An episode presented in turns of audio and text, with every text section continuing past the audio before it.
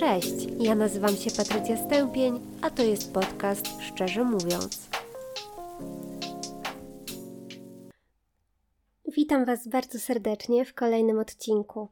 Całe szczęście udało mi się już trochę wyzdrowieć, ale mój poziom energii nadal pozostawia wiele do życzenia, bo od czwartku mamy we Wrocławiu temperaturę na poziomie ponad 30 stopni w cieniu, a zwykle nie czuję się w takiej najlepiej, także z utęsknieniem czekam na wtorek, od kiedy ma być chociaż trochę chłodniej.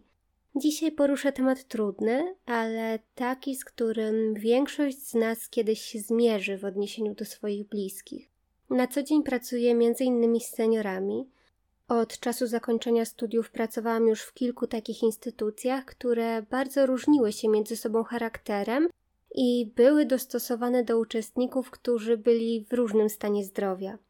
Starości, owszem, może być pięknym czasem, ale może być także pełna bólu i samotności. Nie wszyscy seniorzy, nawet ci, którzy przebywają w instytucjach, należą do drugiej grupy, ale też nie wszyscy, którzy mają opiekę w domu, są szczęśliwi i zadbani. Znalazłam ostatnio w sieci piękny i przejmujący wiersz autorstwa Teresy Zajewskiej i postanowiłam, że w taki właśnie klimatyczny sposób dzisiaj zaczniemy. Posłuchajcie.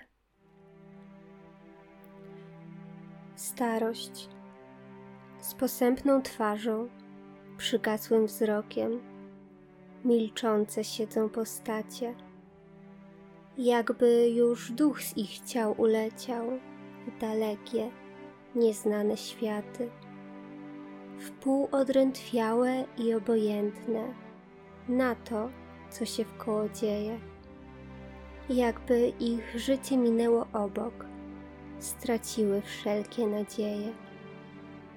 Czasami jakieś znajome słowo zadźwięczy w wnętrzu ich duszy, czy to wspomnienie czegoś miłego najczulsze struny poruszy. O czymże myślą i o czym marzą, chorzy, do łóżka przykuci. Czy o tych pięknych dniach, co minęły, młodości, co już nie wróci? Czy o przyszłości, o tym, co czeka, czai się tuż, tuż za progiem?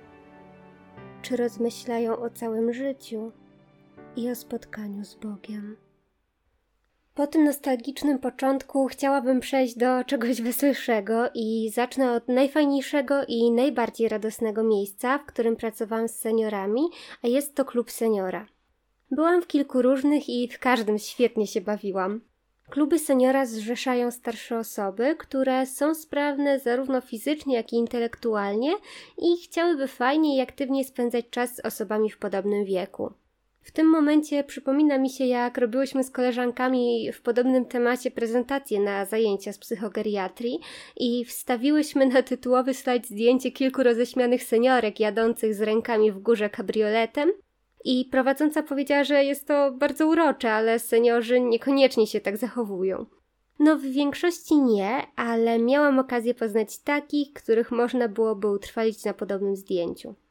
Dzięki temu, że byłam koordynatorką y, dwóch klubów seniora, to miałam okazję wziąć udział w naprawdę świetnych okazjach, takich jak na przykład y, warsztaty tańca flamenco, które bardzo ciepło wspominam, tak jak na przykład uczestnictwo y, w klubie fanów filmów, gdzie miałyśmy okazję wziąć udział w kilku naprawdę świetnych projekcjach filmowych i później w dyskusjach na ten temat. Także naprawdę w klubach seniora zaprzyjaźniłam się z tymi seniorami. Można, mogę tak z całą pewnością powiedzieć, że dla mnie to było bardzo przyjemne doświadczenie. Na zakończenie tematu klubów seniora dodam tylko, że uczestnictwo w tych, w których ja pracowałam, było darmowe, a jeżeli któryś z uczestników był chętny, to przynosił na zajęcia na przykład własnej roboty ciasto, e, a Także taką oddolną inicjatywą uczestników było składanie się na prezent imieninowy dla każdego z nich. Innym miejscem, gdzie seniorzy mogli uczęszczać bez pobytu całodobowego, były dzienne ośrodki pobytu dla seniorów. Te, w których pracowałam, od klubów seniora różniły się tym, że zajęcia odbywały się codziennie od poniedziałku do piątku Można było także skorzystać z konsultacji z fizjoterapeutą lub z pracownikiem socjalnym. Ja miałam także możliwość prowadzenia tam indywidualnych konsultacji. Seniorzy, którzy brali udział w tych zajęciach, z reguły byli w trochę słabszym stanie zdrowia niż ci, którzy przynależeli do klubów seniora. Jest to miejsce, gdzie z jednej strony seniorzy mogą się zintegrować i ciekawie spędzić czas, ale z drugiej strony, jeżeli uczestnik miał problemy przykład z pamięcią, to rodzina mogła go tam bezpiecznie zostawić, nie martwiąc się o to, czy włączy gaz w mieszkaniu albo wyjdzie na miasto i nie będzie potrafił wrócić do domu. Jednocześnie byli to seniorzy na tyle sprawni, że samodzielnie spożywali posiłki i korzystali z toalety. Być może w innych placówkach przyjmowane są również mniej sprawne osoby, warto się o to dopytać. E, tak samo jak o poziom odpłatności za pobyt, ponieważ są zależne od dochodu osoby ubiegającej się o zapisanie na listę uczestników.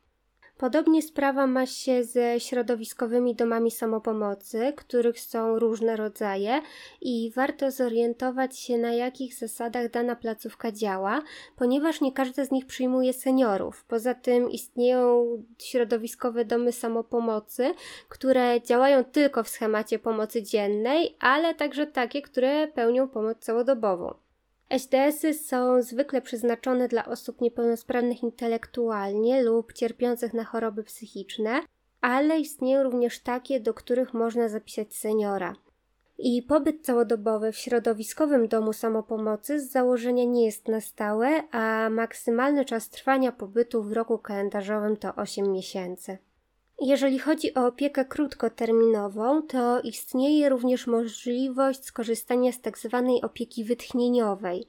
Na przykład wtedy, gdy opiekun z jakiegoś powodu nie będzie w stanie zapewnić osobie zależnej opieki lub sam potrzebuje odpoczynku. Czas opieki wytchnieniowej w wersji pobytu dziennego wynosi 240 godzin, natomiast w ramach pobytu całodobowego 14 dni. Istnieje również możliwość uzyskania 20 godzin wsparcia psychologicznego lub wsparcia w zakresie nauki pielęgnacji, dietetyki i rehabilitacji osoby chorej. Te opcje, które do tej pory przedstawiłam, to opieka dzienna albo całodobowa opieka doraźna, kiedy coś się zadzieje i potrzebne jest wsparcie instytucji. Teraz przejdziemy do placówek, które oferują długoterminowy pobyt, przez co zapisanie do nich osoby bliskiej budzi więcej emocji. Pierwszym takim miejscem jest zakład opiekuńczo-leczniczy. Nigdy wcześniej nie słyszałam o takiej opcji, aż wylądowałam w jednym z takich miejsc w pracy, a teraz jestem w drugim, również na stanowisku psychologa. Istnieją różne rodzaje zakładów i tak pierwszy, w którym pracowałam, był zolem psychiatrycznym, a teraz pracuję w zolu dla niepełnosprawnych i to tylko dla kobiet i do tego prowadzonym przez siostry zakonne. Muszę przyznać, że dotarcie się z siostrami zajęło mi chwilkę, głównie ze względu na mój zgoła odmienny światopogląd, ale ogólnie to całkiem fajna praca, szczególnie jak się dopiero nabywa doświadczenie w zawodzie, no bo wiadomo, że pracując w NFZ milionerem raczej się nie staniesz. E, zakład opiekuńczo-leczniczy jest dla pacjentów, którzy wymagają wzmożonej opieki lekarskiej w tym zakresie, w jakim dany ośrodek się zajmuje. Określa się to m.in. na podstawie skali Bartel, która ma za zadanie ocenić sprawność chorego i to, czy wymaga on opieki. Z założenia pobyt w takiej placówce nie jest bezterminowy. Podpisuje się umowę z ośrodkiem na jakiś czas i jeżeli stan pacjenta poprawi się, to zostaje on wypisany. W praktyce nieczęsto się to zdarza, bo jeżeli mamy pacjenta z chorobą przewlekłą, to ciężko tutaj mówić o wyzdrowieniu i często pacjent kwalifikuje się do pobytu aż do śmierci albo do czasu, kiedy rodzina zdecyduje się zabrać go do domu. Jeżeli chodzi o odpłatność, y, to w przypadku ZOL pobierane jest 70% dochodu pacjenta i nie istnieje żadna najniższa granica, bo resztę dopłaca NFZ. W Zolu czasem przebywają także pacjenci, którzy nie są tam ze swoją zgodą, czyli zostali w nich umieszczeni za decyzją sądu. I ta sytuacja częściej zdarzała się w zakładzie o profilu psychiatrycznym niż w tym, w którym pracuję aktualnie. Możecie sobie tylko wyobrazić, jak wygląda współpraca pacjenta, który jest w ośrodku z przymusu z personelem. Jeżeli chodzi o ogólne funkcjonowanie ZOL-ów, to jest tam opieka lekarza, pielęgniarek, opiekunów medycznych, psychologa, fizjoterapeutów i terapia zajęciowa.